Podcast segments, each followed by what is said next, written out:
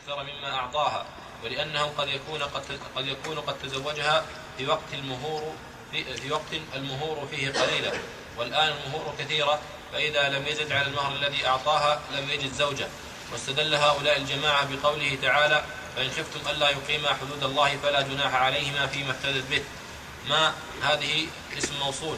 واسم الموصول عام فيشمل القليل والكثير. وذهب بعض العلماء إلى أنه لا يزيد على ما أعطاها. لأن المهر الذي أعطاها أخذ عوضه في الحقيقة. ما هو؟ هو استحلال وهو. ما هو؟ ما له داعي لأن مثل هذه تقال في الشرح ما دام أجبنا يذكر الجواب. حطوا بالكم لهذه المسألة. اللي ينقل إذا جت ما هو هو كذا يكتب الجواب فقط. لأن المهر الذي أعطاها أخذه أخذ عوضه في الحقيقة وهو استحلال الفرج واستمتاعه ولهذا قال النبي صلى الله عليه وسلم فلها المهر بما استحل من فرجها. لأن ولأن في حديث ذلك في بعض الروايات خذ الحديقة خذ الحديقة ولا تزدد وسيأتي إن شاء الله بقية البحث. فيه طيب. إذا هذه تمحى الأخيرة سيأتي بقية البحث. بسم الله الرحمن الرحيم. البحث هذا البحث فيه خلاف بين العلماء. منهم من قال إنه يجوز أن أن يطلب زيادة على ما أعطاها واستدل بقوله تعالى فلا جناح عليهما فيما افتدت به. وما اسم موصول من صيغ العموم فيشمل كل ما تفتدي به من قليل وكثير.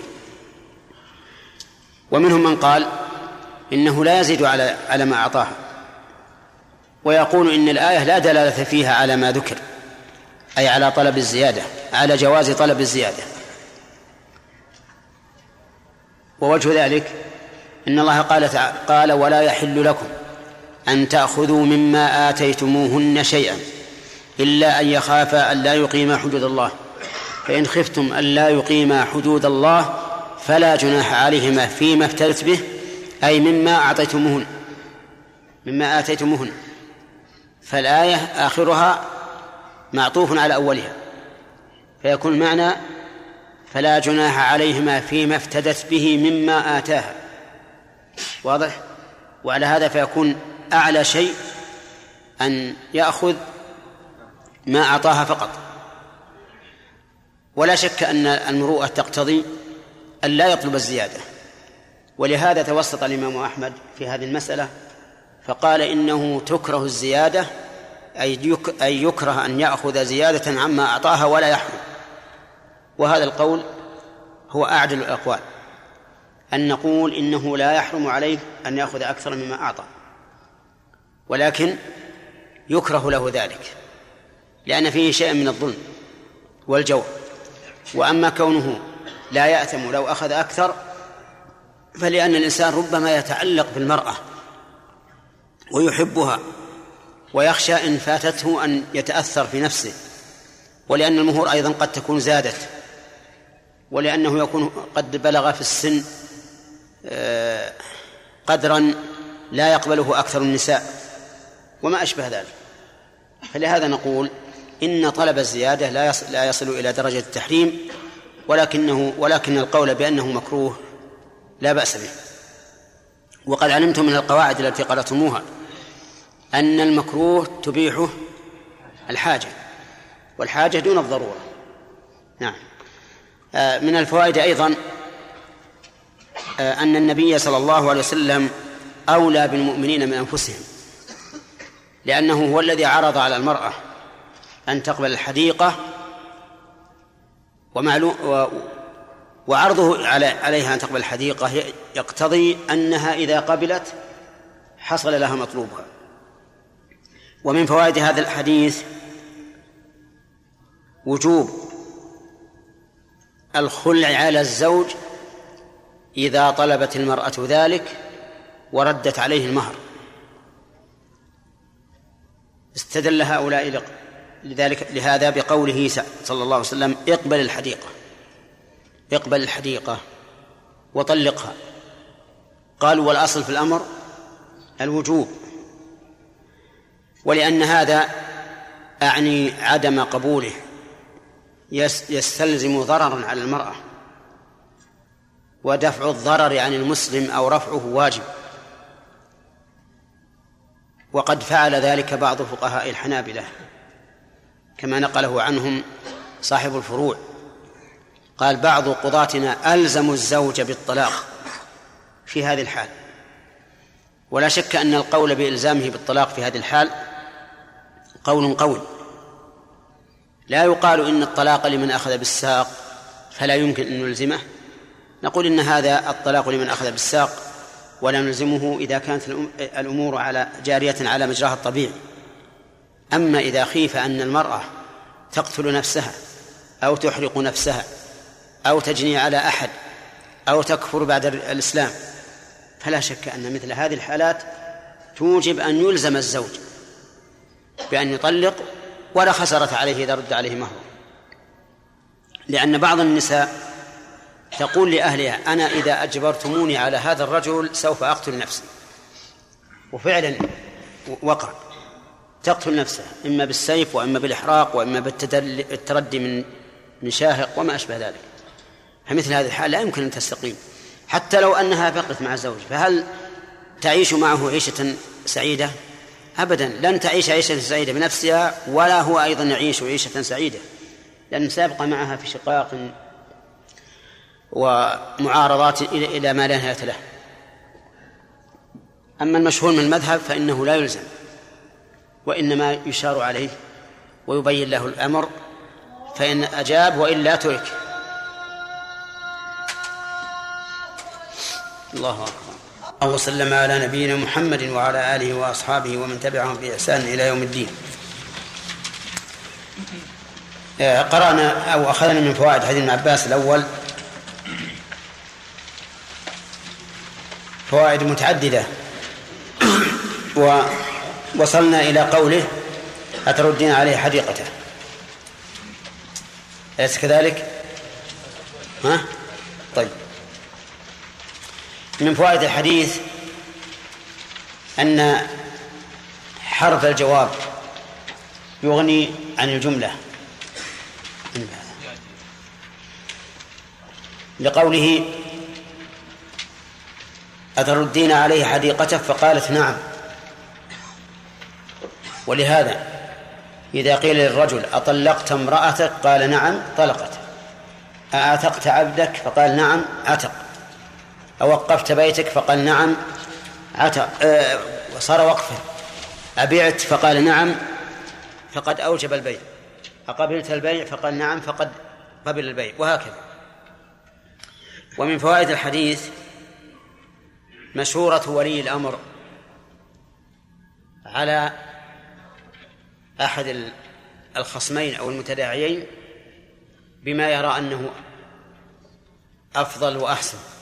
لقوله اقبل الحديقة وطلقها تطليقة لأن بقاءه معها وهي على هذه الحال لا شك أنه ضرر عليه وعليها. هذا إذا قلنا إن الأمر هنا للإرشاد. أما إذا قلنا للإلزام فيستفاد منه إلزام الزوج بالخلع يعني بالمخالعة. إذا كرهت المرأة البقاء معه وأعطته ما دفع إليها. وإلى هذا ذهب بعض أهل العلم وقالوا للقاضي أن يلزم الزوج بالخلع إذا لم تستقم الحال. ومن فوائد الحديث أنه إذا كان الشقاق من طرف واحد فلا حاجة إلى إقامة الحكمين. والحكمان إنما يكونان فيما إذا كان الشقاق من الطرفين. لقوله تعالى وإن خفتم شقاق بينهما فابعثوا حكما من أهله وحكما من أهلها إن يريد إصلاحا يوفق الله بينهما. إن الله كان عليما خبيرا. وهنا الشقاق من طرف واحد. من طرف من؟ الزوجة. أما الزوج فهو يريدها ومن فوائد الحديث أن الخلع يصح أن يقع بلفظ الطلاق لقوله طلقها تطليقا طلقها تطليقا. وإذا وقع بلفظ الطلاق فهل يكون خلعا؟ يعني حكمه يكون حكمه حكم الخلع فلا يحسب من الطلاق ولا رجعة فيه. أو هو إذا وقع بلفظ الطلاق كان طلاقا. في هذا لل في هذا للعلماء قولان. الأول أن الخلع فسخ مطلقا سواء وقع بلفظ الطلاق أو بلفظ الخلع أو بلفظ الافتداء فإنه يكون فسخا.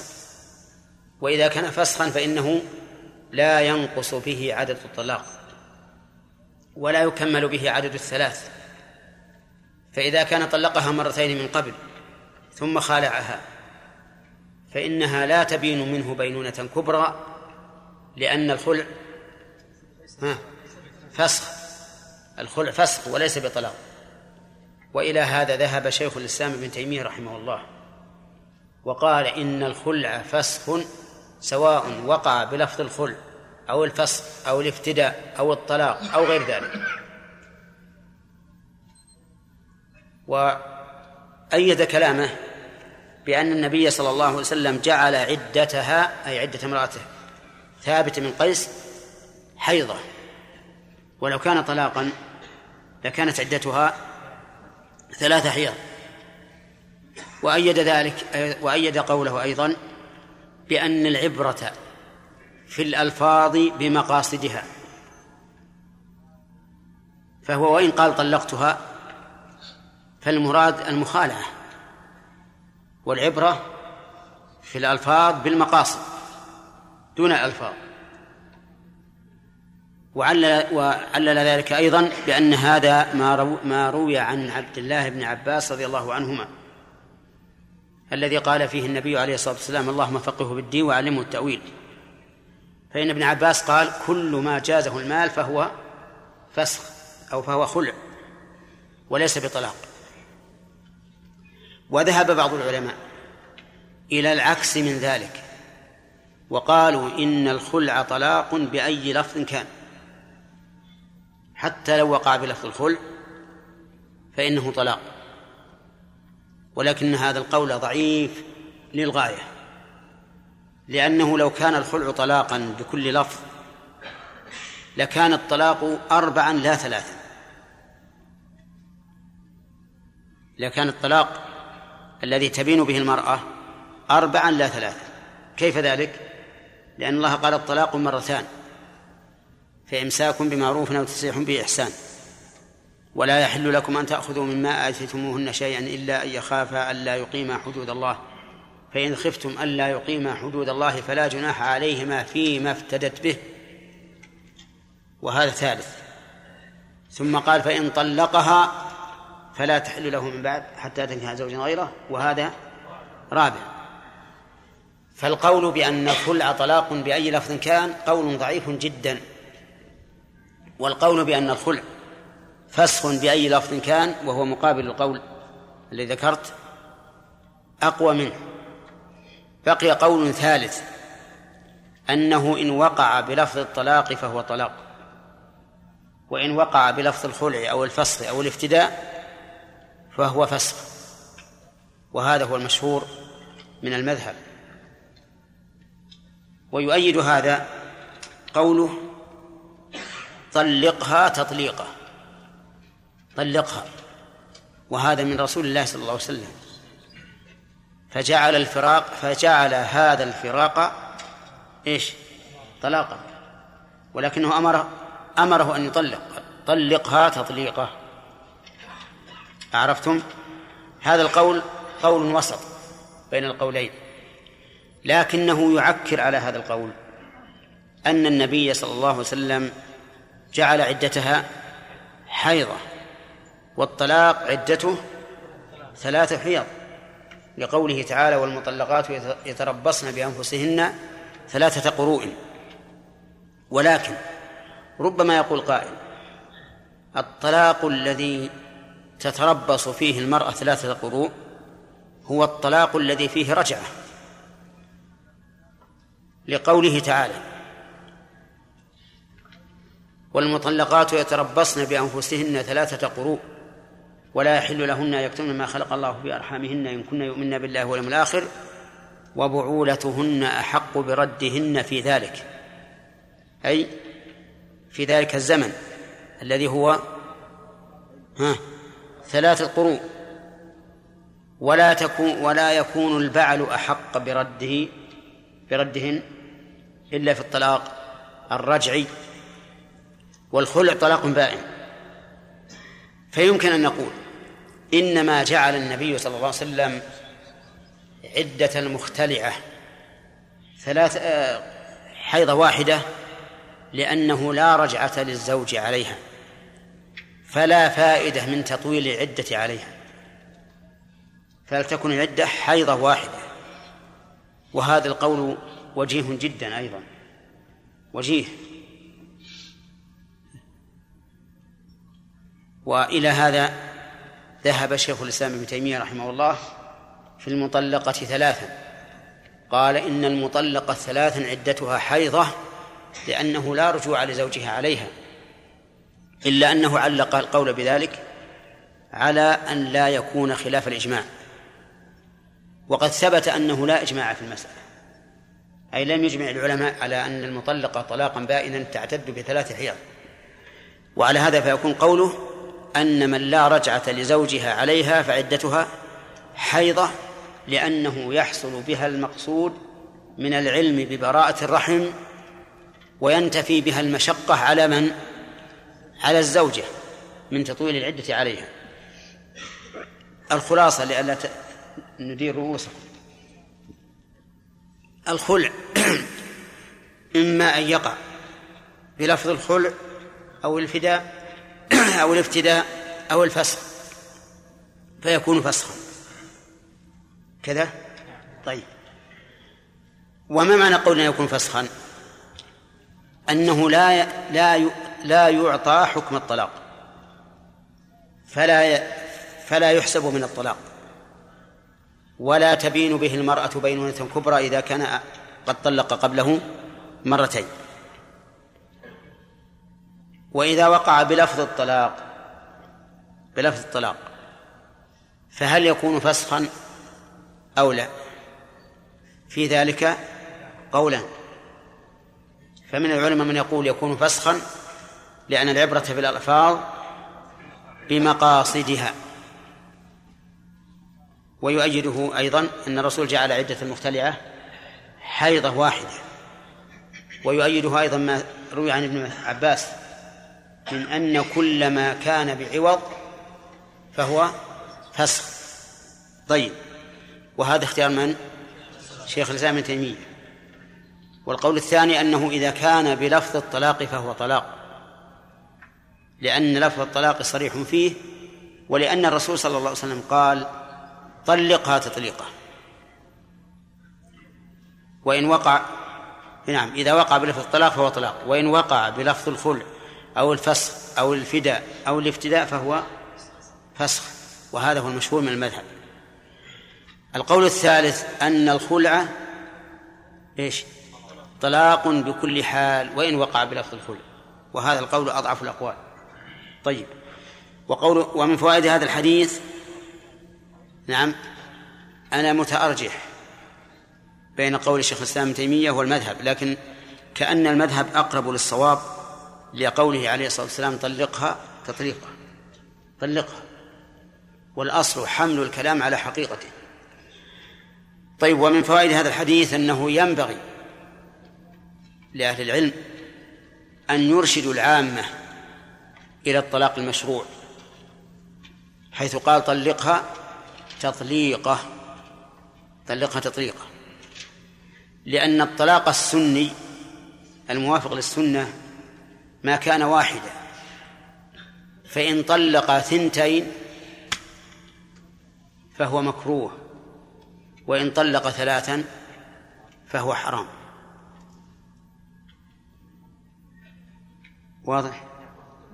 ها؟ واضح؟ ما هو واضح.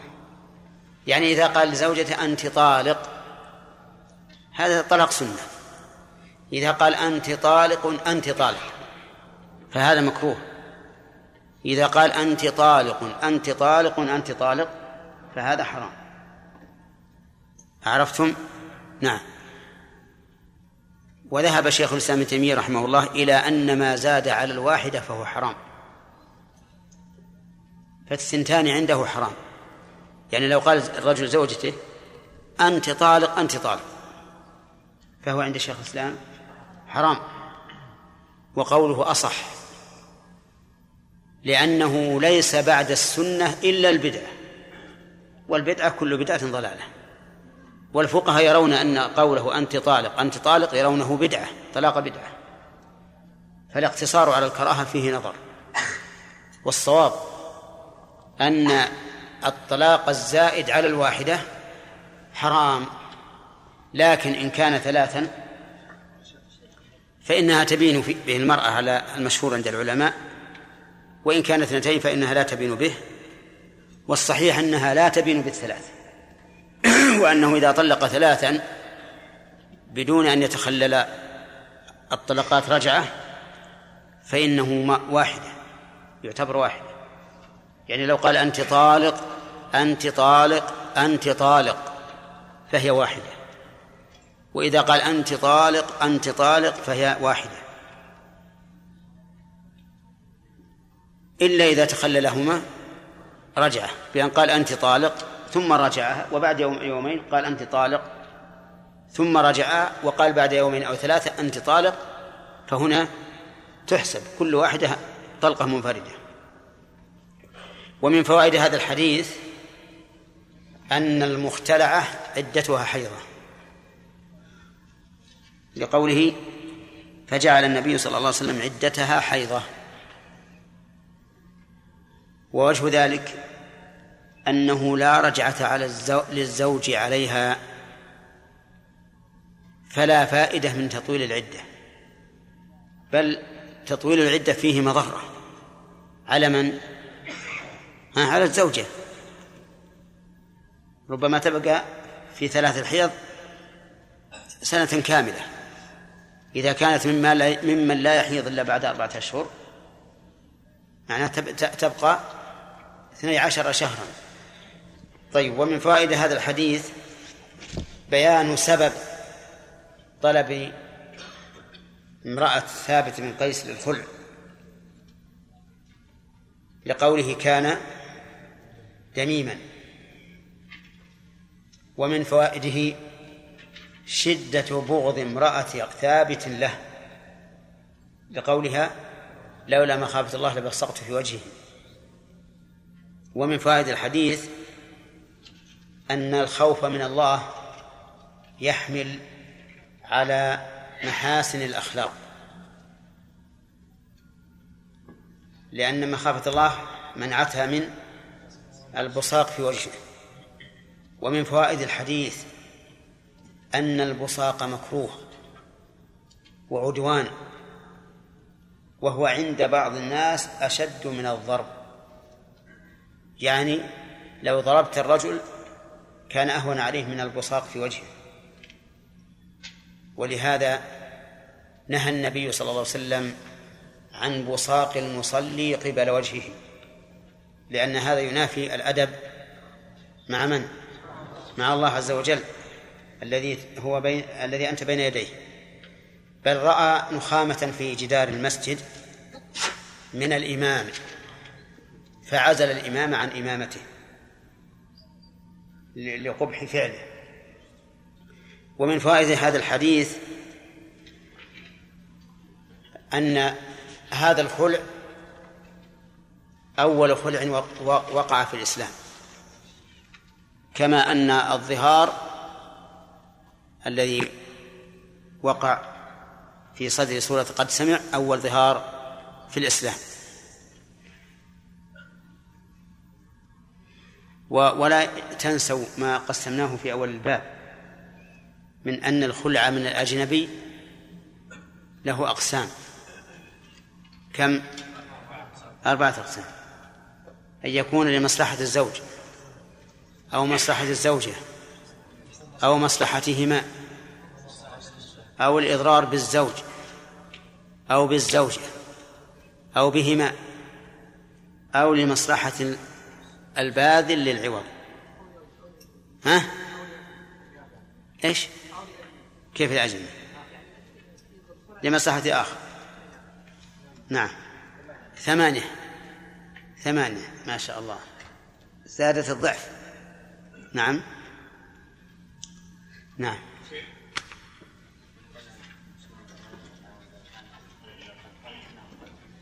فسخ. فإنه فسخ. نعم. طلاق.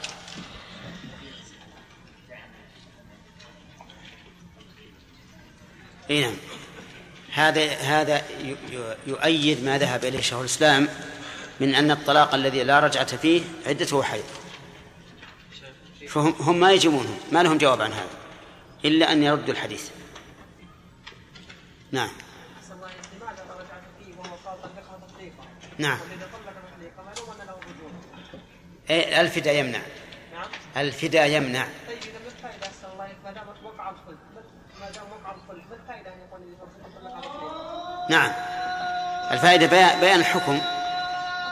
ما وقع الخلع بدل الفداء اي لكن هو ما ما قبل حتى الآن. فقال له طلقها. طيب.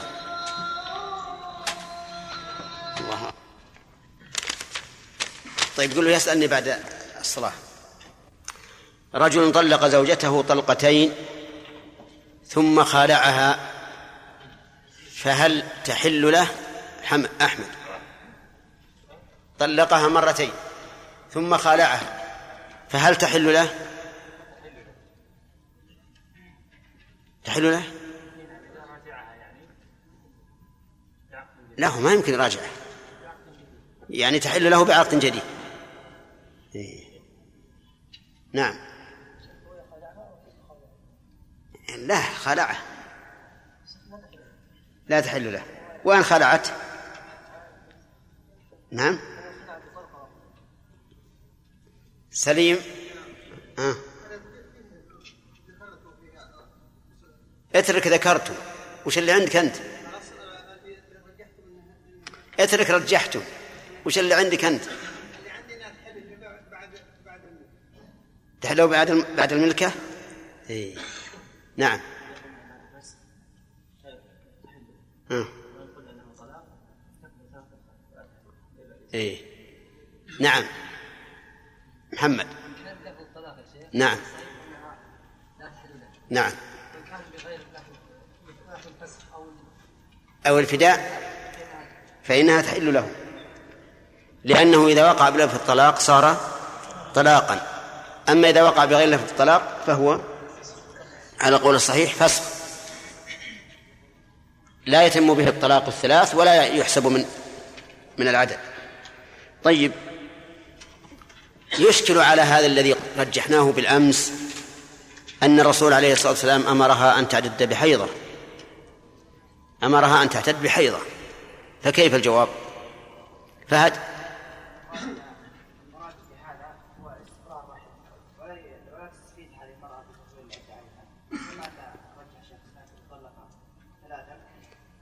لكن كيف نجيب إذا قلنا إنه طلاق؟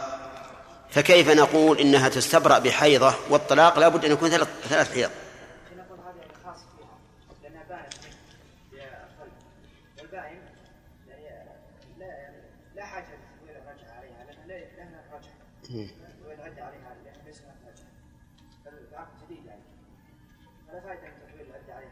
يعني معناها أنك كأنك تقول متى كان الطلاق بائنا فإنه يكفي فيه الاستبراء بحيضة كذا؟ أي نعم. في احتمال آخر؟ فهد؟ الزوج حتى يرجع ذلك ادعى لرجوعه وهنا لا يمكن يرجع الزوج. هذا ما قال الأخ فهد. اختلاف تعبير فقط.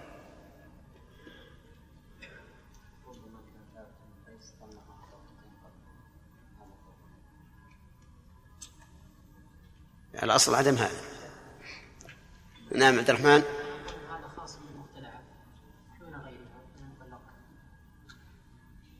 شيخ الإسلام رحمه الله يرى أن هذا دليل على أن الخلع فسخ ولو وقع بلفظ الطلاق.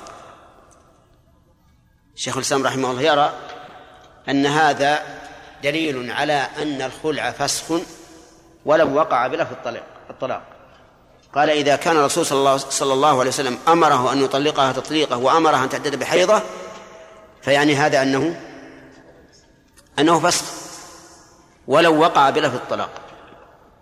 والحقيقة أن هذا معنى قوي معنى قوي.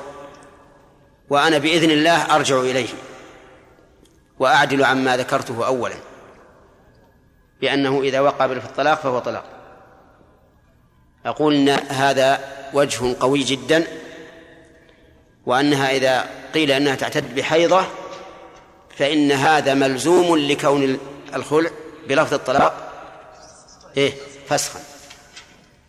وعلى هذا فيكون الطلاق الخلع بلفظ الطلاق أو بلفظ الفسخ أو بلفظ الفداء أو بلفظ المخالعة يكون طلاقا يكون فسخا. لا ينقص به عدد الطلاق ولا تبين به المرأة المرأة إذا كان قد طلقها قبل ذلك مرتين. عرفتم؟ خذوها عني. طيب. آه، ما تقول في رجل طلق امرأته ثلاثا؟ خالد. طلقها ثلاث مرات ثم خالعها. فهل تحل له؟ هذا هنا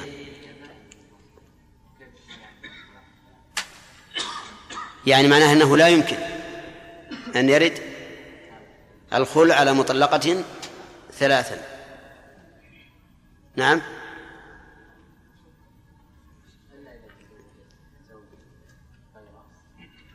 لا إذا تزوج ما في إشكال. طيب يا خالد. ها. أي نعم. أي نعم.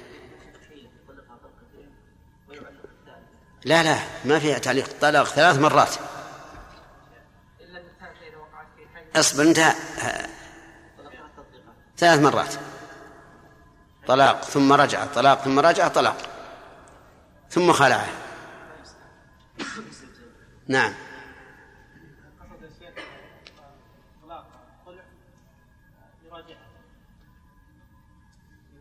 ما حد ما حد قال الطلاق خلع لأن الخلع لابد يكون في عوض. لا لا. طلق ثم راجع. ثم طلق ثم طلق ثم راجع ثم طلق. يلا خالد. الخلع هذا لا عبرة كمن خالع امرأة لا لا تحل. ليس بزوجته بس أخلفت اللفظ. هذا كلام الإخوان. المهم هذا لا يصح يا جماعة. هذا لا يصح. وإياكم أن تغتروا بمثل إرادة بإرادة مثل هذا السؤال.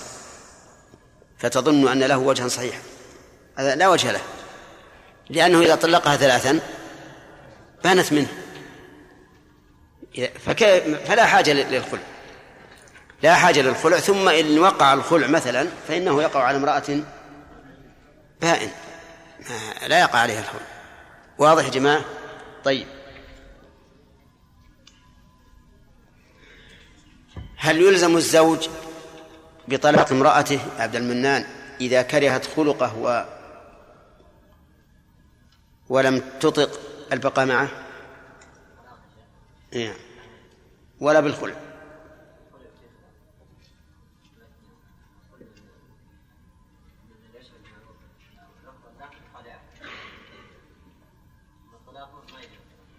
الطلاق بلا عوض لا لا, لا يلزم به. والخلع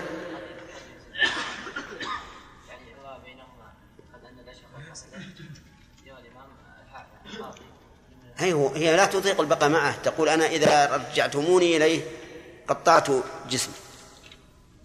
أو ألقيت نفسي في النار. يلزم بذلك. من أين يؤخذ يا عبد الرحمن بن داود؟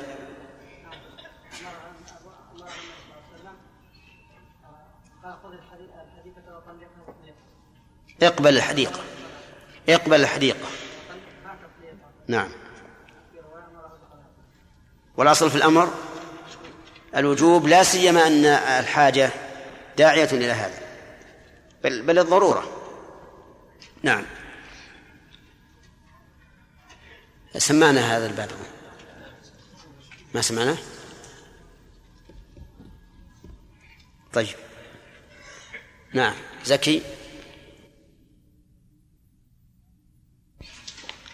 قال المؤلف رحمه الله تعالى باب الطلاق. الطلاق اسم مصدر طلق لأن المصدر من طلق تطليق واسم المصدر طلاق واسم المصدر هو ما دل على معنى المصدر ولا ولم يتضمن حروفه. هذا اسم المصدر وهو كثير سلام من التسليم كلام من التكليم طلاق من التطليق وما أشبه ذلك.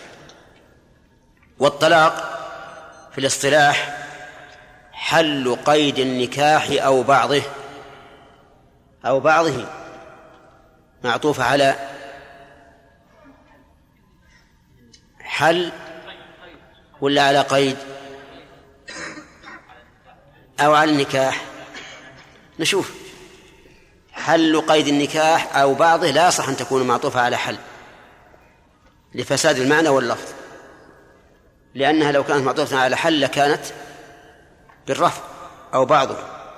والمعنى يفسد حل قيد النكاح أو حل بعض القيد. إذا قلنا معطوفة على قيد صار المعنى حل قيد النكاح أو حل بعض القيد. إذا قلنا معطوف على النكاح صار المعنى حل قيد النكاح أو حل بعض النكاح. انظر أيهما أحسن. حل بعض النكاح أو حل بعض قيده. بعض قيده. نعم. وذلك أن الطلاق قد يكون بائنا تبين به المرأة عن الزوج ولا تحل إلا بعد زوج. وقد تكون غير بائن يعني طلاقه يكون طلاقها دون الثلاث. فهذا حل لبعض القيد وليس حلا للقيد. وذلك لأن الزوج في هذه الحال يمكنه أن يراجع. يمكنه أن يراجع. حكم الطلاق يدل عليه الحديث الذي بل يدل عليه قول الله تعالى للذين يؤلون من نسائهم تربص أربعة أشهر فإن فاءوا فإن الله غفور رحيم وإن عزموا الطلاق فإن الله سميع عليم. فاءوا يعني رجعوا في أيمانهم فإن الله غفور رحيم. وهذا حث على الرجوع لأن كل إنسان يطلب إيش؟ يطلب المغفرة والرحمة. وإن عزموا الطلاق فإن الله سميع عليم وهذا فيه شيء من التهديد يعني فإن الله يسمع ما يعزمون به وهو الطلاق ويعلم أحوالهم والآية تشير إلى أن الطلاق غير محبوب إلى الله عز وجل واضح ولا لا؟ من من الذين يؤلون من نسائهم؟ هو الرجل يحلف على زوجته أن لا يطأها إما دائما أو مدة تزيد على أربعة أشهر. فيقال لهذا الرجل إما أن ترجع إلى زوجتك وتكفر عن يمينك وهذا هو الأفضل لقوله فإن الله غفور رحيم. وإما أن تطلق وهذا هو المفضول. المرجوح لقوله وإن عزموا الطلاق فإن الله سميع عليم. طيب. أما في أما من السنة فالدليل على أنه غير مرغوب فيه ما رواه ابن عمر رضي الله عنهما.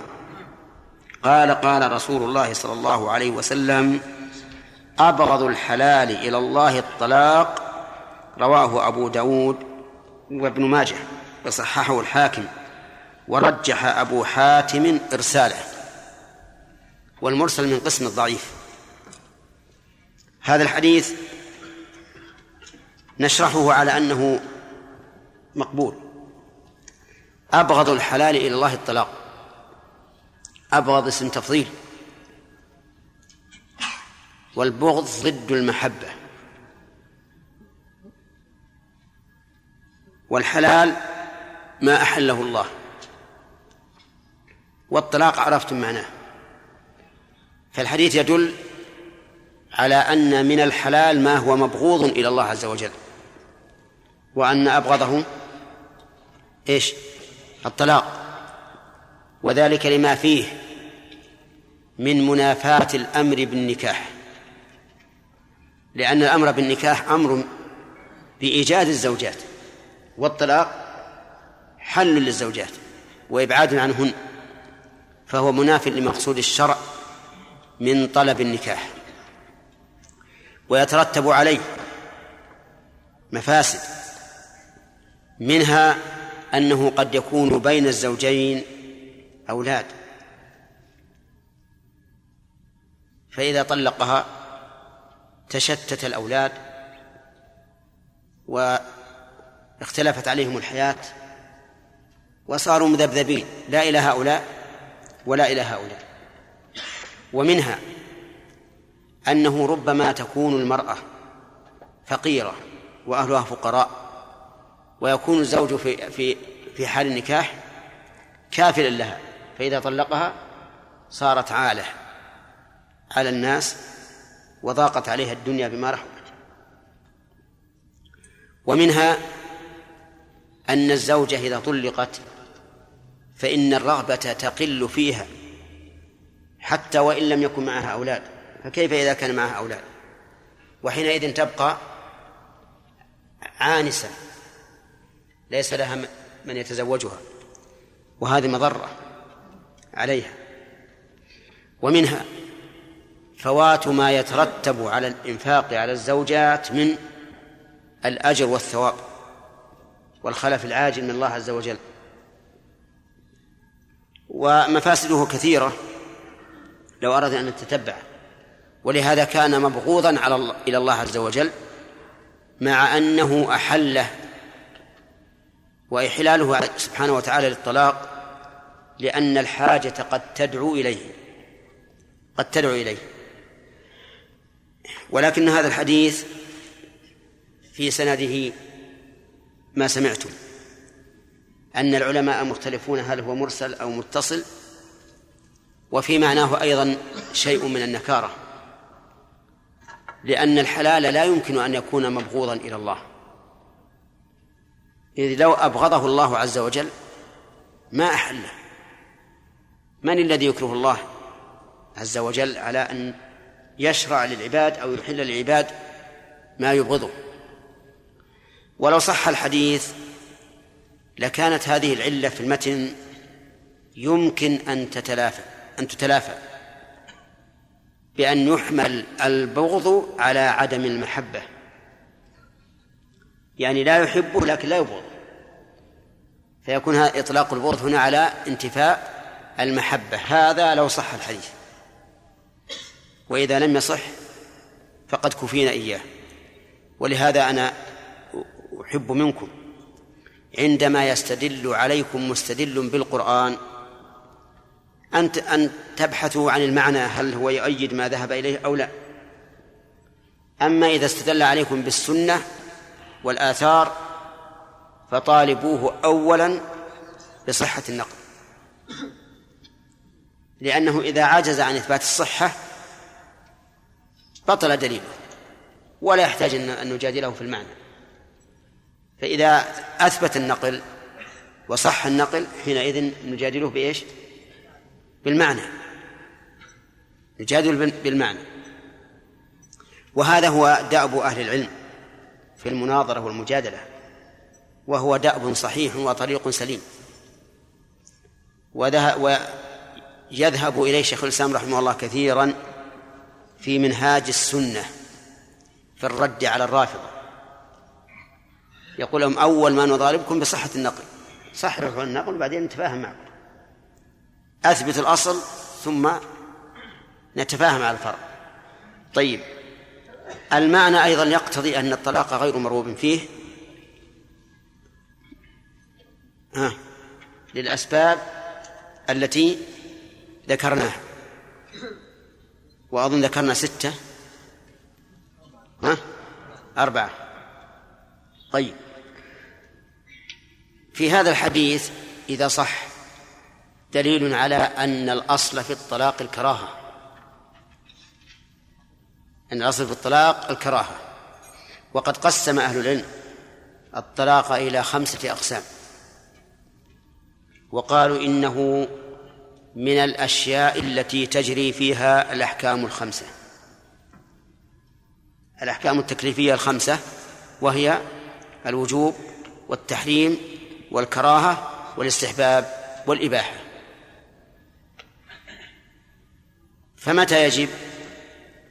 يجب في الإيلة يجب في الإيلة إذا آل الإنسان أن لا يجامع زوجته فإننا نطالبه إما بالطلاق وإما بالفيئة بالرجوع. إذا أبى الفيئة ألزمناه بالطلاق. وجب عليه أن يطلق. ويحرم للبدعة يعني إذا كان في حيض أو في طهر جامع فيه فهو حرام.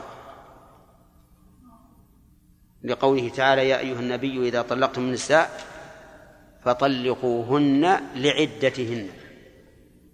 أي طلقوهن في زمن تبدأ فيه العدة أي في الوقت الذي تبتدئ فيه العدة. طلقوهن يستحب لتضرر الزوجة بالبقاء مع الزوج. يعني إذا كان لمصلحة الزوجة ودفع الضرر عنها فهو مستحب لما فيه من الإحسان إليها إلى الزوجة. فيدخل في عموم قوله تعالى وأحسنوا إن الله يحب المحسنين. فإذا رأينا أن الزوجة تتضرر في بقائها مع الزوج وهي تطالب بالطلاق قلنا له جزاك الله خيرا طلقها أحسن إليها. مش قلنا؟ الرابع. الرابع الإباحة. الإباحة إذا دعت الحاجة إليه. إذا دعت الحاجة إليه فهو مباح. ودعاء الحاجة إلى الطلاق له أسباب. له أسباب. إما معيشية وإما اجتماعية أو غير ذلك. المهم متى دعت الحاجة إليه فهو مباح. والخامس الكراهة وهي فيما عدا ذلك لأنها الأصل. لأنها الأصل. فما خرج عن الكراهة فلا بد له من سبب. فإذا قال قائل أنتم قلتوا إنه مباح للحاجة هل هذا ينطبق على القاعدة الأصولية؟ فالجواب نعم لأن القاعدة الأصولية أن المكروه تبيحه الحاجة. كذا ولا لا؟ طيب. ما هي القاعدة اللي قرأنا في القواعد؟ ناظم القواعد ماذا قال؟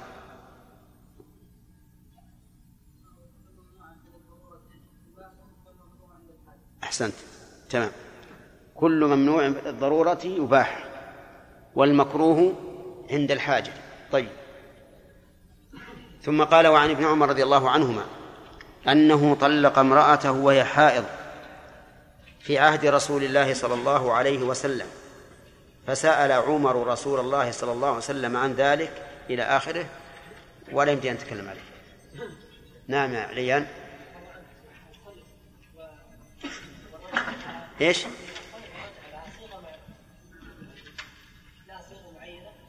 لا. ما دل على على الخلف فهو خلف ما في مسح لأن, لأن هذا بيكون في خلع بيكون في فداء نعم كيف العقد الجديد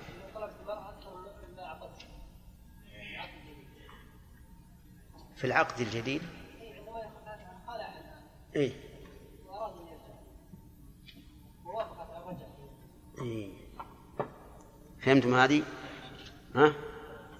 هو طمر بنا طمرة جيدة. يقول إذا خالعت الزوجة الزوج فالفراق يكون بائنا أو أو رجعيا؟ بائنا يكون بائنا. أليس كذلك؟ لكن لو تراضت هي وزوجها على فسخ هذا العقد يعني فسخ الحل بأن قالت أنا برد بأن قال أنا أبرد عليك أبرد عليك ما أخذت وأرجع عليك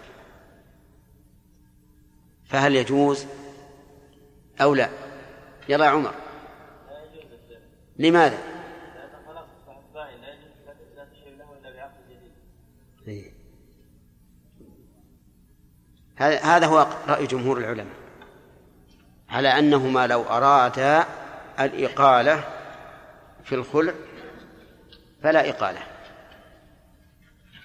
وذهب بعض أهل العلم من السلف والخلف إلى جواز الاستقالة فيه وأنهما إذا اتفقا على رد عوض الخلع ثم المراجعة فلا بأس. وكأن ابن القيم رحمه الله يميل إلى هذا. ويقول ما المانع؟ ما المانع من الرجعة؟ إذا كان الرجل سيرد عليها ما أخذ وهي إنما دفعته له من أجل الفداء والآن تحسبت وندمت على ما فعلت وتريد أن أن ترجع. يقول هذا لا يمنعه شر. هذا لا يمنعه شر وليس فيه إجماع. فكأنه يميل إلى جواز فسخ الخلع. ولكن نقول اتباعا لرأي الجمهور. ما دمتما قد رجعتما عن الشقاق. فاجعل فاجعلا ما أخذه الزوج صداقا. واعقد النكاح. وهذا لا يضر. فإذا جعل ما أخذه صداقا وعقد النكاح زال ارتفع الإشكال. وصارت حلالا للزوج باتفاق العلماء. ألم تفهمون؟ واضح؟ طيب. سليم. ها؟ ها؟ الأول يقول إذا تراضى الزوج والزوجة على فسخ الخلع. وقال هونا هذه دراهمت اللي أخذت منك منك. نعم. وأنا راجع. أنا مراجعك. هي بدون عقد. بدون عقد. يقول هذا لا بأس به. فنحن نقول اتقاء للخلاف مخالفة الجمهور. يجعل ما أخذه إيش؟ صداقة ويعقد. وهذا لا يضر لا لا لا يزيد في عدد الطلاق ولا شيء. سليم؟ وش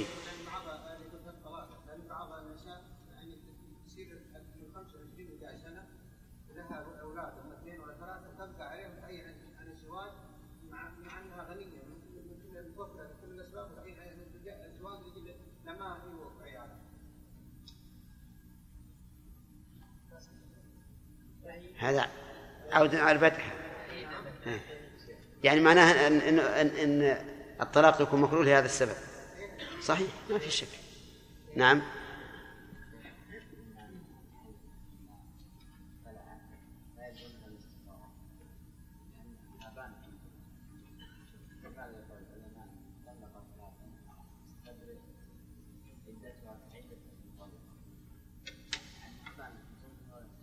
الظاهر إنك لم تحضر ولا لا هو يسأل يقول لماذا لا نقول إن المطلقة ثلاثا ليس عليها عدة وإنما عليها استبراء استبراء حيضة واحدة لأنه لا, لا فائدة من إبقائها ثلاث حيض ما تكلمنا على هذه؟ أي نعم أين أنت؟ ها؟ أجاب العلماء أجاب العلماء عن هذا بجوابين. أحدهما الالتزام. وقالوا نحن نلتزم ونقول إن المطلقة ثلاثا لا تعتد بثلاث حيض وقالوا يؤيد قولنا أو يؤيد قولنا قول الله تعالى والمطلقات يتربصن بأنفسهن ثلاثة قروء ولا يحل لهن يكتمن ما خلق الله في أرحامهن إن كن يؤمن بالله واليوم الآخر وبعولتهن أي بعولة المطلقات أحق بردهن في ذلك أي في ذلك الزمن وهو ثلاث قروء إن أرادوا إصلاحا. وقالوا إن هذه الجملة لا تصلح إلا لمن؟ للرجعية. وعلى هذا فالبائن بالثلاث تطلق آه، تعتد بحيضة واحدة. وهذا اختيار شيخ الإسلام ابن تيمية رحمه الله. وأجاب الجمهور الذي يكاد يكون إجماعا بأن الطلاق له شأن آخر والخلع له خصائص ليست للطلاق. قال المؤلف رحمه الله تعالى باب الطلاق. أولا لابد أن ما هو الطلاق؟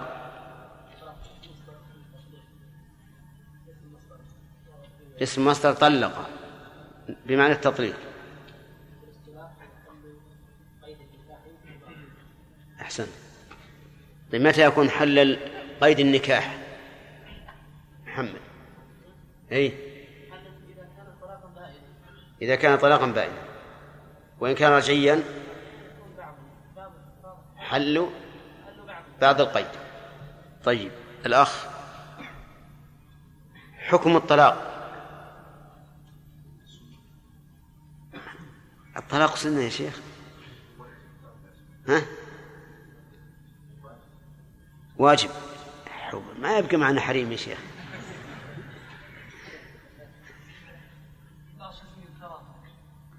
الأصل فيه الكراهة صح. الأصل فيه الكراهة. هل أنت متزوج؟ يجب عليك تطلق زوجك. طيب. الأصل فيها خالد؟ الكراهة. طيب وهل وهل يكون في حكم آخر غير الكراهة؟ ها؟ تجري فيه الأحكام الخمسة. تمام. متى يكون واجبا يا زكي؟ نعم. لا. يحيى في الإيلاء. كيف هذا؟ ما هو الإيلاء وكيف يكون واجبا فيه؟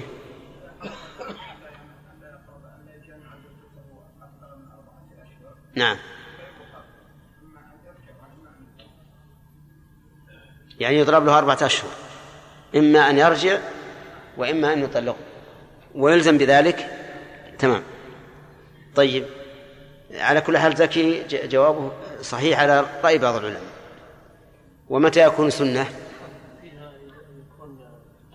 لا أسألك أنت متى يكون سنة. نعم.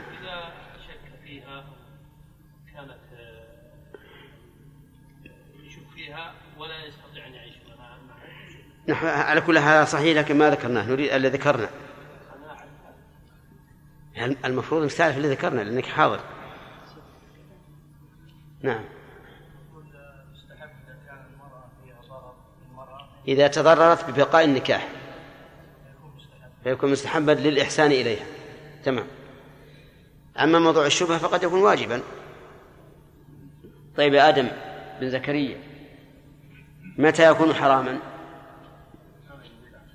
إذا كان للبدعة. ومتى يكون للبدعة؟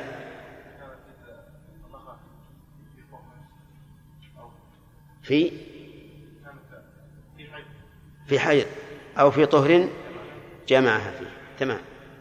إذا لم يتبين حمله طيب. الحديث الذي صدر المؤلف الباب به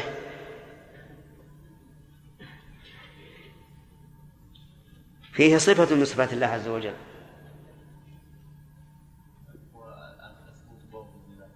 إثبات البغض لله. طيب.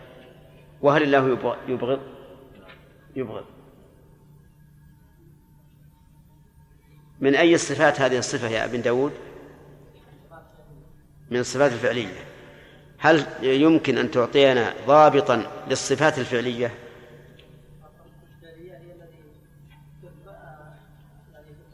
هي الذي هي الذي صحح التعبير يا شيخ. نعم. نعم. عند مقتضاها؟ لا صحح العبارة في مقتضى هذه. عند.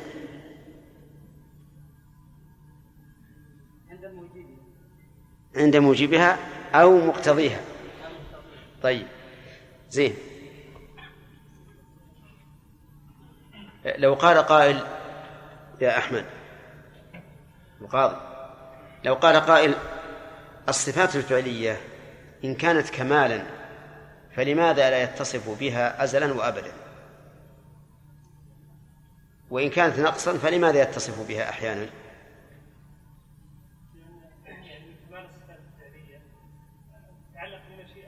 نعم.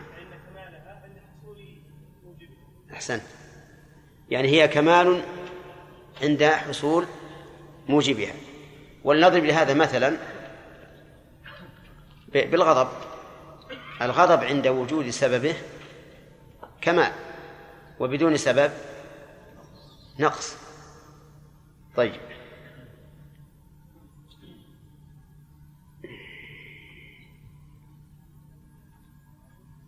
هل صفات الله تتفاضل؟ عبد الله.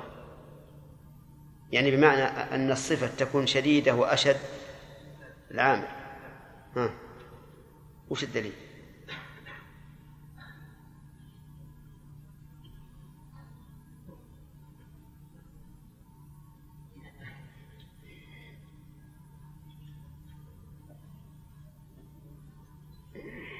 كيف تقول نعم بلا دليل؟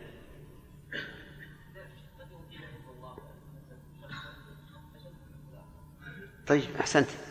قد يحب الله شخصا أكثر من من حب, الآخر. عندك دليل على هذا؟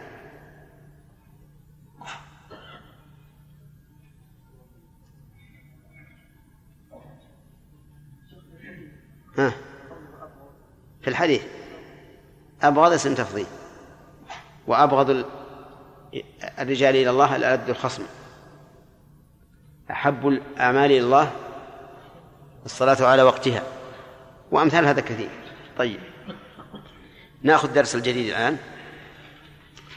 بسم الله الرحمن الرحيم. قال المؤلف رحمه الله تعالى وعن ابن عمر أنه طلق امرأته وهي حائض في عهد رسول الله صلى الله عليه وسلم. طلق امرأته وهي حائض جملة وهي حائض في محل نصب على الحال من امرأة. والحيض معروف. وهذا الدم الطبيعي الذي يعتاد الأنثى في أيام معلومة.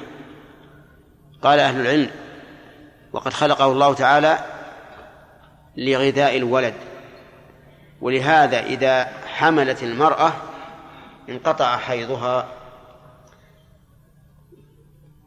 فقال فسأل عمر في عهد نعم وهي حائض في عهد رسول الله صلى الله عليه وسلم أي في زمنه. فسأل عمر رسول الله صلى الله عليه وسلم عن ذلك يعني عن طلاقها وهي حائض. وهذا السؤال يحتمل أنها أنها حال غريبة أن يطلق وهي حائض وأنه من العادة عندهم أن لا يطلق الرجل امرأته وهي حائض لأن هذا السؤال لا بد له من سبب. وإلا لسكت عمر وأجرى الأمور على ما هي عليه. وإنما قررنا ذلك لئلا لئلا يحتج محتج على وقوع الطلاق في زمن الحيض بكون النبي صلى الله عليه وسلم لا يستفصل المطلقين. وترك الاستفصال في مقام الاحتمال ينزل منزلة العموم في المقال. وسيأتي إن شاء الله تعالى هذا في بيان حكم طلاق الحائض. فسأل عمر رسول الله صلى الله عليه وسلم عن ذلك يعني عن طلاقه إياه وهي حائض فقال مره فليراجعها يعني قل له راجعها. مره أي قل له راجعها بلفظ الأمر فليراجعها واللام في قوله فليراجعها لام الأمر. ولهذا جزم الفعل بها. وسكنت بعد الفاء.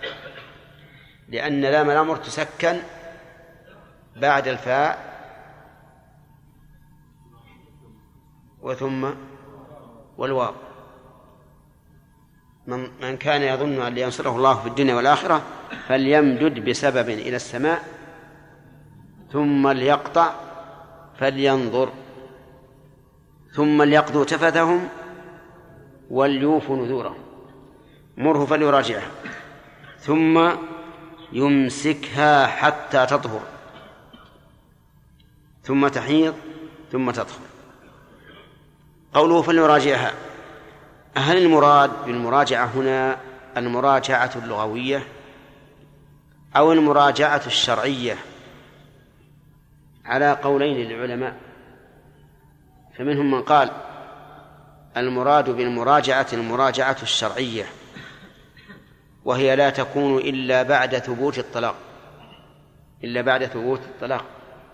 لأن المراجعة الشرعية إعادة مطلقة على ما كانت عليه قبل الطلاق.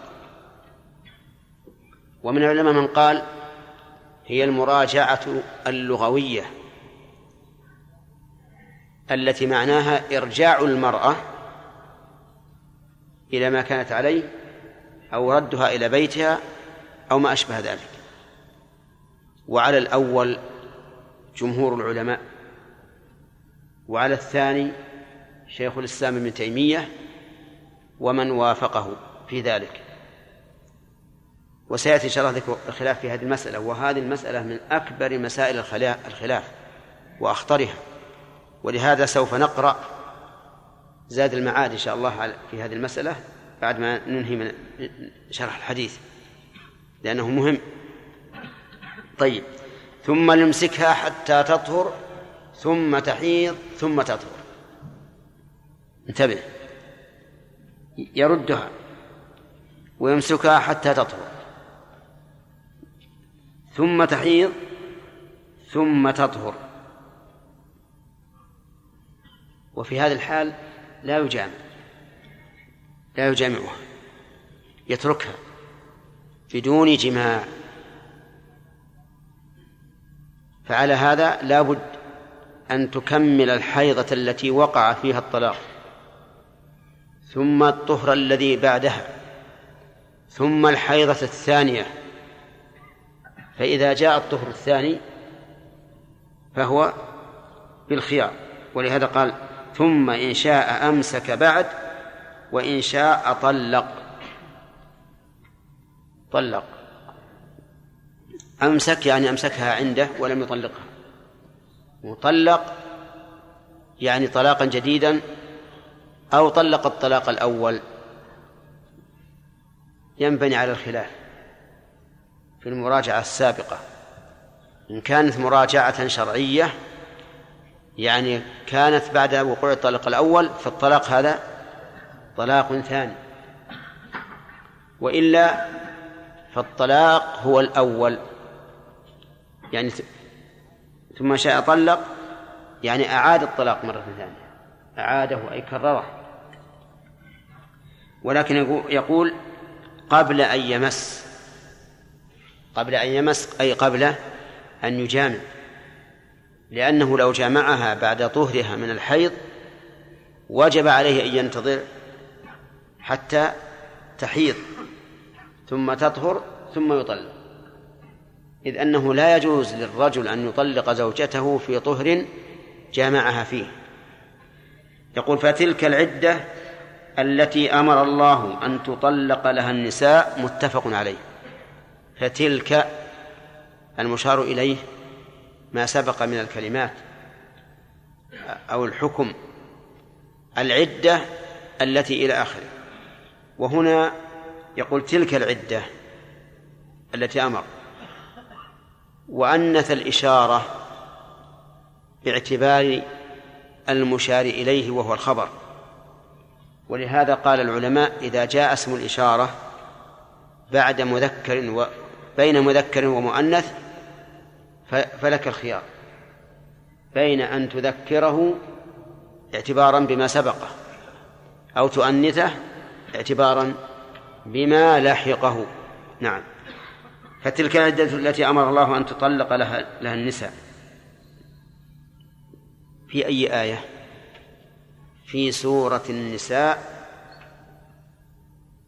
القصيرة. تسمى عند السلف سورة النساء القصيرة. وسورة النساء الطويلة التي بعد آل عمران. هذه سورة النساء قصيرة لأن أكثر ما فيها من الأحكام يتعلق بالنساء وطلاقهن. المهم هي سورة الطلاق. يا أيها النبي إذا طلقتم النساء فطلقوهن لعدتهن. وحينئذ تكون عدتهن أن يطلقهن في طهر لم يجامعها فيه إلا أن تكون حاملا. فإن كانت حاملا فليس لطلاقها سنة ولا بدعة. كل طلاقها سنة. كل طلاقها سنة. يعني إذا طلق الحامل ولو كان جمعها قبل قليل فالطلاق سني ليس بدعيا. ومن قال من العلماء إنه لا سنة ولا بدعة لحامل فالمعنى أن البدعة لا تتصور فيها. وإلا فإن طلاقها لا شك طلاق سنة. لأنه طلق للعدة. طيب وفي رواية لمسلم مره فليراجعها ثم ليطلقها طاهرا أو حاملا. طيب الفرق بين هذه الرواية وما سبق؟ أن قوله فليطلقها طاهرا يدخل فيها ما إذا طلقها بعد طهرها من الحيضة التي وقع الطلاق فيها.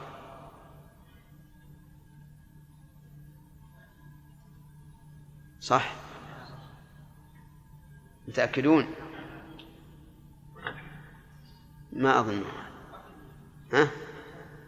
ما فهمت. ثم ليطلقها طاهرا أو حاملا. الرواية الأولى اللي متفق عليها مره فليراجعها. ثم يمسكها حتى تطهر. ثم تحيض ثم تطهر. وهذه رواية فليطلقها طاهرا أو حاملا. يقتضي أنه إذا طلقها في الطهر الذي عقب حيضها الذي وقع فيه الطلاق فهو طلاق جائز.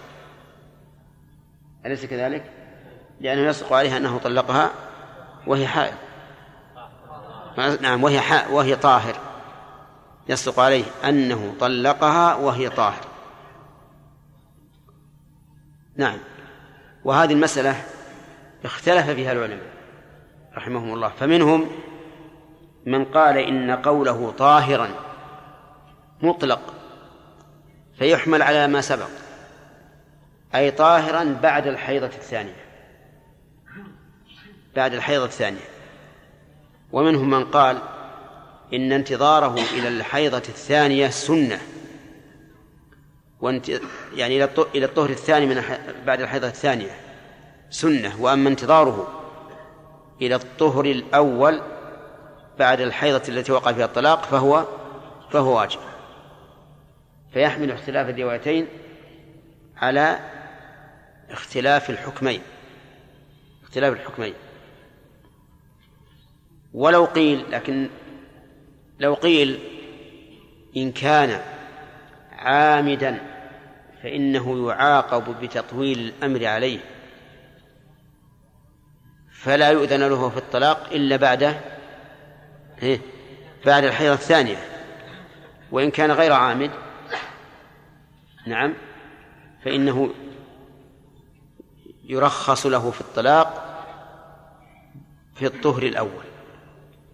لو قيل بهذا لكان جيدا لكن هذا القول يمنع منه أن القصة واحدة قصة ابن عمر. وهو إما هذا وإما هذا. يعني ليس هذا مبني ليس هذا حكما مستقلا غير مبني على سبب. لو كان الأمر كذلك لكان الذي قلته هذا وجيها.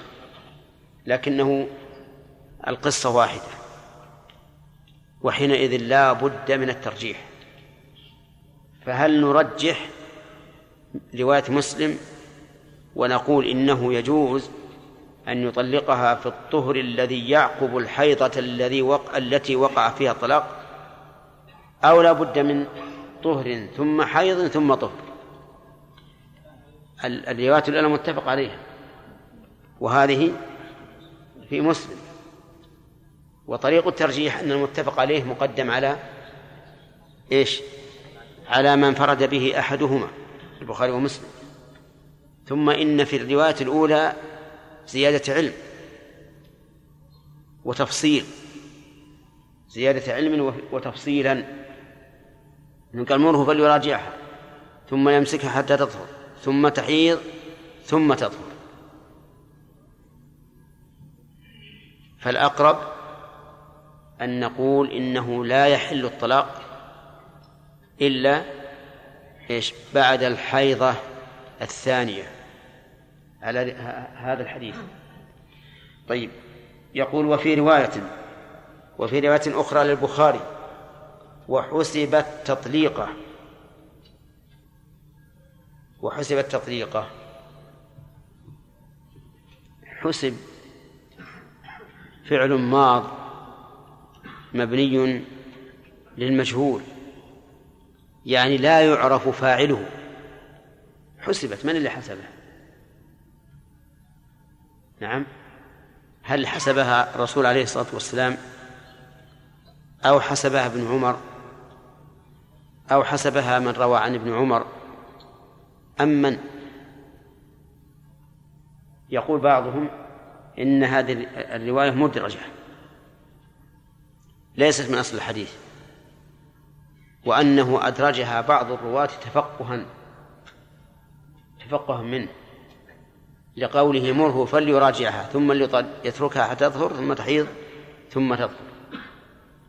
ولهذا جاء في رواية أبي داود بسند صحيح ولم يرها شيئا. ولم يرها شيئا.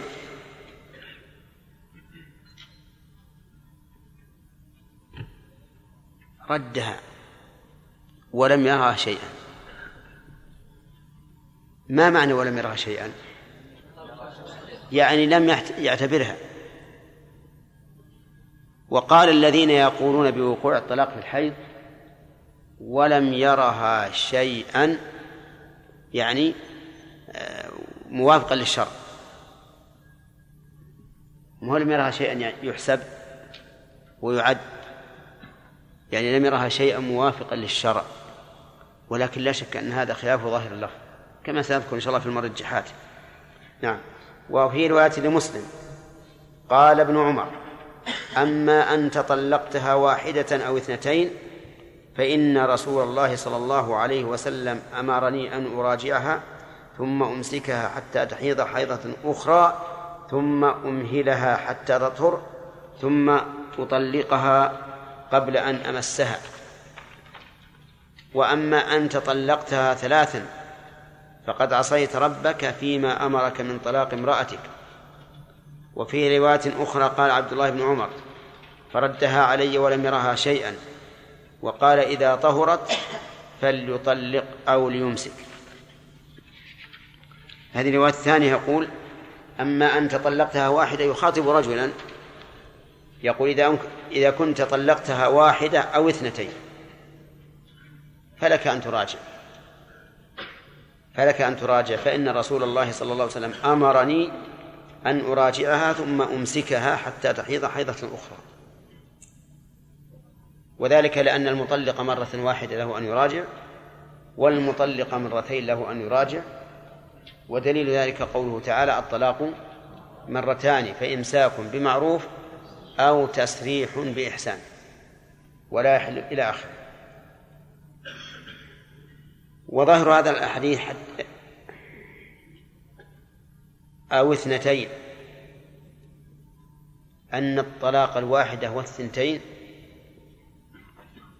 جائز وليس كذلك. فإن الثنتين إما مكروهتان أو محرمتان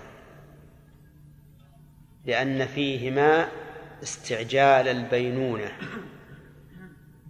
فإن الرجل إذا طلق مرة بقي له ثنتان وإذا طلق مرتين بقي له واحد. فيكون مستعجلا للبينونة حارما نفسه ما أعطاه الله. و... نعم.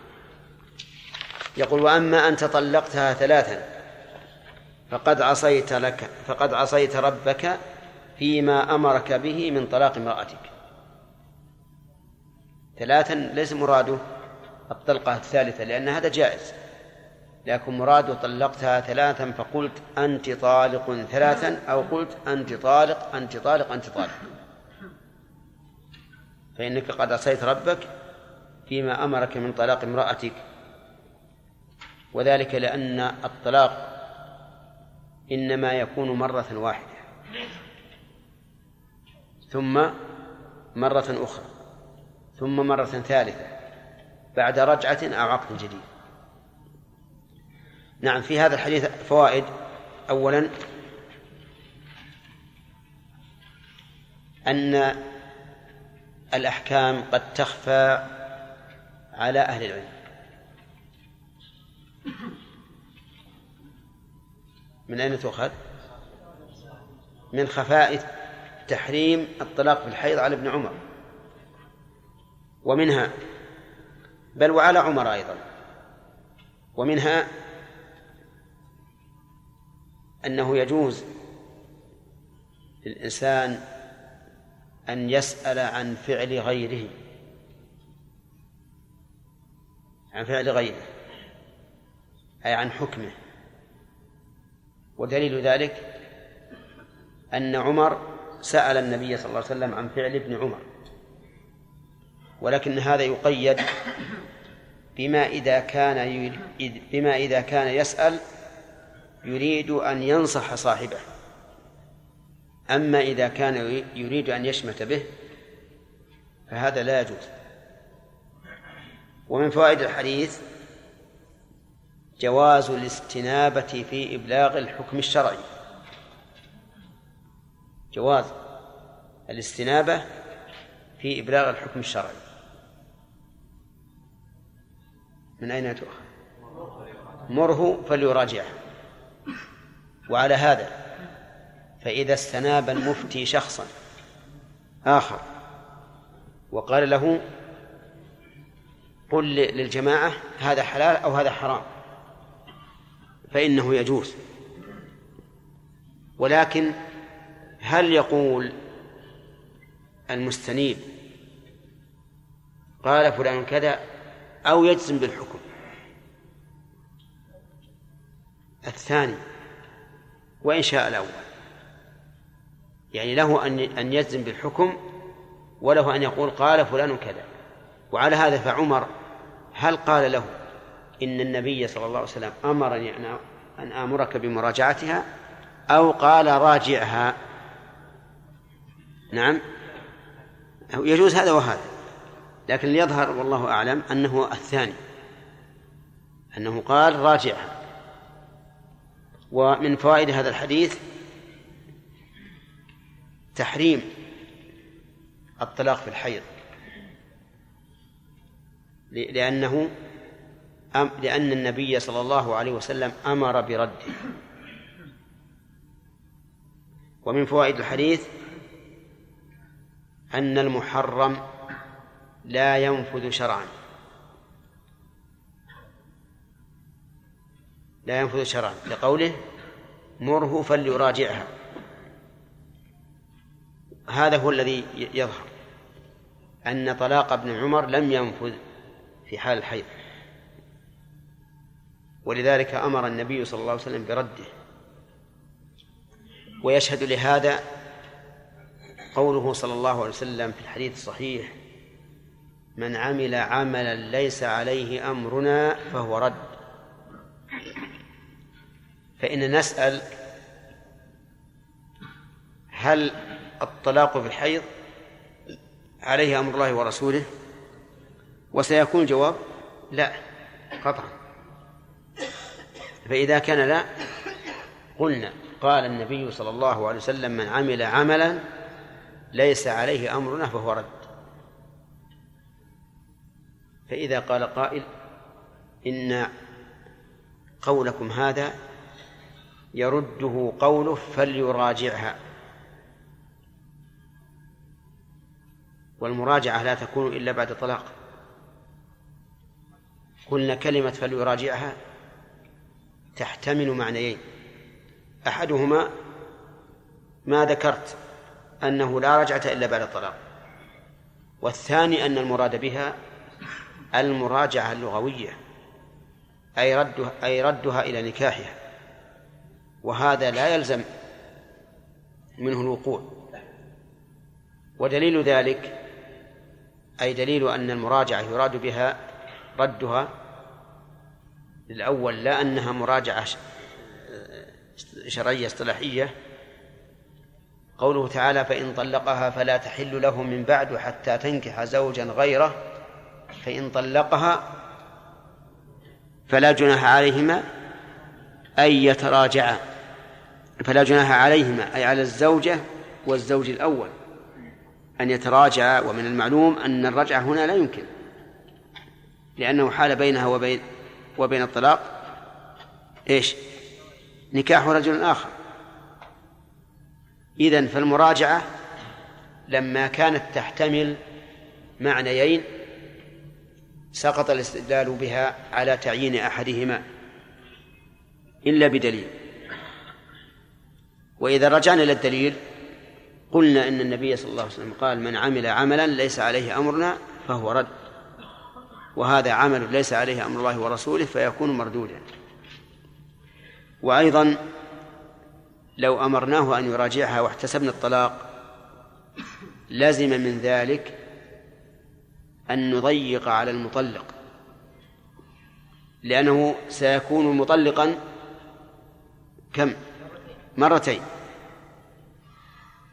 وأيضا فإن الرسول عليه الصلاة والسلام لم يستفصل.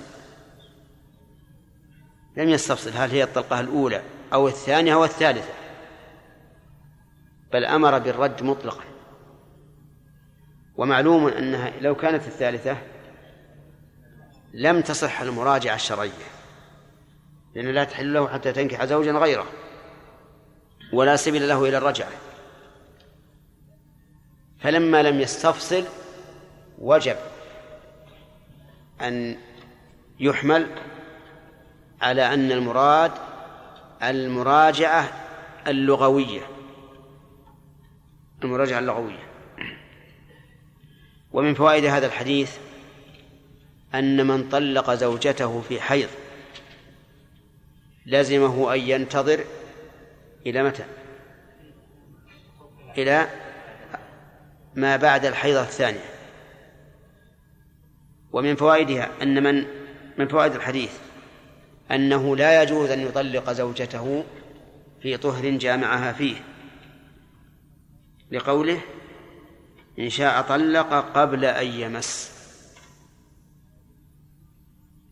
طيب ومن فوائد هذا الحديث أن السنة تفسر القرآن. لقوله فتلك العدة التي أمر الله أن تطلق لها النساء. فإن قال قائل ما وجه كون هذه العدة التي أمر الله أن تطلق لها النساء؟ قلنا وجه ذلك أنه إذا طلقها في حيض فإن الحيضة التي وقع فيها الطلاق لا تحسب من العدة. فيكون طلق لعدة ولا لغير عدة؟ لغير عدة لأنها لأن ما تبتدئ بالعدة الآن. الطلقة التي وقع فيها الحي... الحيضة التي وقع فيها الطلاق لا تحسب. فيكون طلق لغير لغير عدة. طيب هذا واضح. في الطهر الذي جمعها فيه نقول كذلك هو لم يطلق لعدة متيقنة. صحيح أنها تبدأ بالعدة من حين ما طلق لكنها عدة غير متيقنة. كيف ذلك؟ لأنها قد تحمل من هذا الجماع. فتكون عدتها بوضع الحمل. وقد لا تحمل فتكون عدتها بالأقراء أي بالحيض. ونحن إلى الآن لم يتبين أنها أنها حامل أو غير حامل. متى يتبين أنها حامل أو غير حامل؟ إذا حاضت. إذا حاضت عرف أنها غير حامل. أو ينشأ الحمل ويتبين. ومن فوائد هذا الحديث أنه يجوز للإنسان أن يطلق الحامل ولو جامعه.